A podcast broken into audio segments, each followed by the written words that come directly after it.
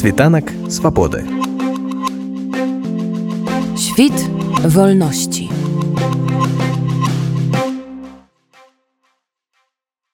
Удар Ярослаў усе мы учора пазаўчора сачылі за тым што адбывалася спачатку на акупаванай тэрыторыі Украіны потым перанеслася ў Расію гэтыя дзеянні прыватнай вайсковай кампаніі вахнара і яе кіраўніка Евгена прыгожана Як вы лічыце ці былі гэтыя падзеі адмыслова спланаваныя ці гэта было такое спантаннае рашэнне прыгожана вось зрабіць гэты марш на Москву. Дякую за запытання Ну па-перша хочу відмітити що вживання стосовно групи Вагнер назви приватна військова компанія має досить умовний характер.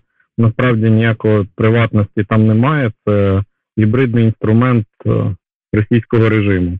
Дії Пригожина були, скоріш за все, сплановані і підготовлені. Е, звичайно, виникає питання, і цей момент не з'ясований, наскільки саме в ці дати е, планувався цей виступ. Але те, що цей виступ спланований і добре організований, ми бачимо по тій кількості учасників і по тим діям і тій швидкості, з якій вони реалізували е, свій план. Ну, вось калі так то каму быў патрэбны гэты ну нібыта закалот у Росіі і навошта як мы бачым оскільки Пригожин не здійснив те, що він анонсував, тобто до Кремля він не дійшов, керівництво Міноборони і Генерального штабу він не заарештував, то видається, що це була акція е, спланована певною групою кремлівської верхівки, одної з башт Кремля, е, задля того, щоб, е, так би мовити, протаранити угруповування Шойгу Герасимова і таким чином знизить його вплив. А чаму ў сітуацыю раптам уклініўся Лукашенко і навошта яму ў Беларусі прыгожан са сваімі вагнераўцамі Я думаю Лукашенку насправді пригожин в Білорусі не потрібен. Проблема в тому, що весь час своєї діяльності такої медійної Пригожин ніколи не критикував Путіна і я думаю, що до певного часу він розраховував, що його такий демарш е, буде використаний проти Шойгу Герасимова, але або за підтримки Путіна, або за його нейтралітету, так би мовити.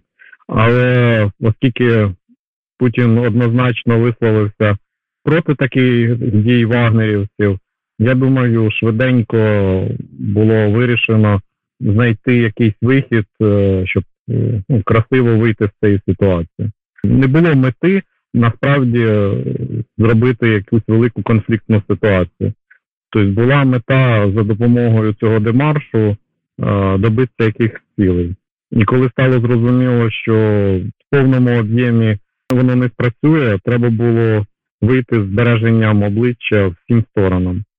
І я думаю, що залучили до цього Лукашенка.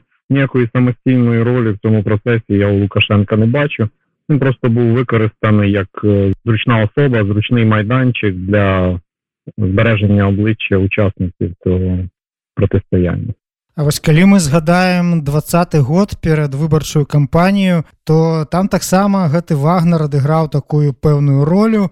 Зноў жа ж нейкі такі спектакль незразумелы быў разыграны калі нейкі вагнараўцаў затрымлівалі элементску гатэлі прычым ізноў жа там нібыта быў задзейнічаны і украінскі бок вінаваціць там ермака і гэтак далей. І тады лукашенко казаў што вагнараўцы збіраюцца там удзельнічаць у тым каб яго пазбавіць улады. А зараз ён прытуляе мае ў сябе кіраўніка вагнера Ну і вядома ж ён туды паедзе не адзін так вы лічыце ці звязана гэта нейкім чынам я насправді думаю що те події дуже розкидані в часі і прямого зв'язку немає єдине що можливо тоді були встановлені якісь додаткові канали які зараз в тому числі були використані ну по вагнерівцям тоді це для того щоб їх відправив Лукашенко назад до Росії зараз для того, щоб навпаки якусь частину вагнерівців на чолі з Пригожином е, прихистити в себе з тим, щоб вони в подальшому там виїхали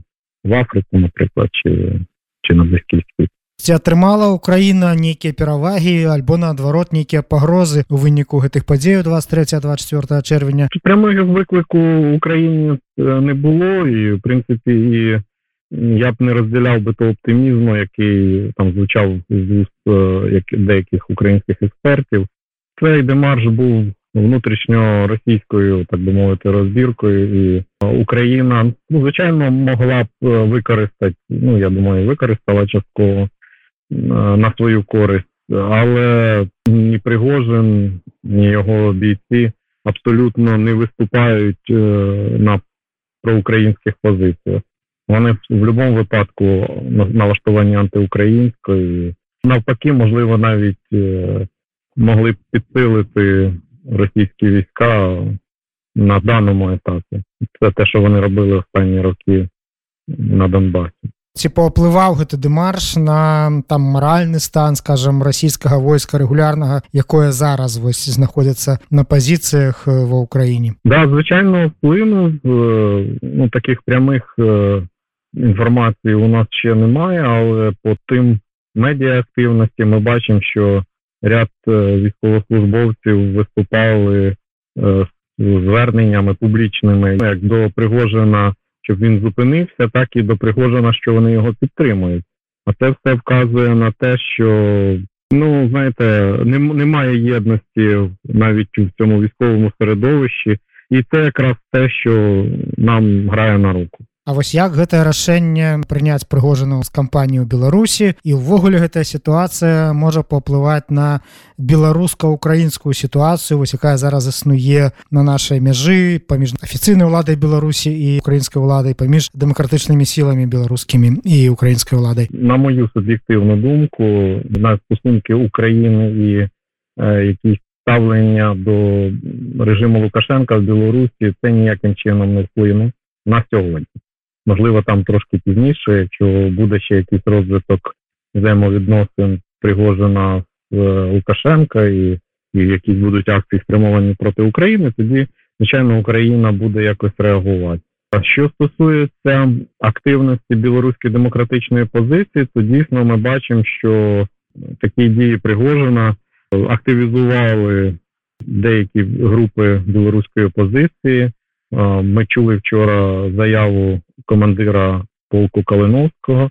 Ми чули вчора заяву Сахащика. Ми чули заяву Тихановської, яка скликала ситуаційний кабінет. І я думаю, що певні надії на зрушення ситуації і зменшення міцності режиму Лукашенка з'явилися в демократичних сил, але наскільки вони здатні з цього скористатися, і наскільки дійсно Лукашенко ослаб, зараз важко говорити. сакратар рнба украіны даніла ў сваім допісе ў фейсбуку не выключыў магчымасці ўдзелу лукашэнкі ў мірных перамовах пасля перамогі ўкраіны усё ж такі украіна разглядае дагэтуль лукашэнку як гульца вялікай палітыкі э, які мае нейкія там правы нешта заяўляць ці вырашаць на перамовах Не знаю, я таку думку не поділяю, тим більше, що результати виборів, коли Лукашенко собі присвоїв звання президента Білорусі в Україні не визнані.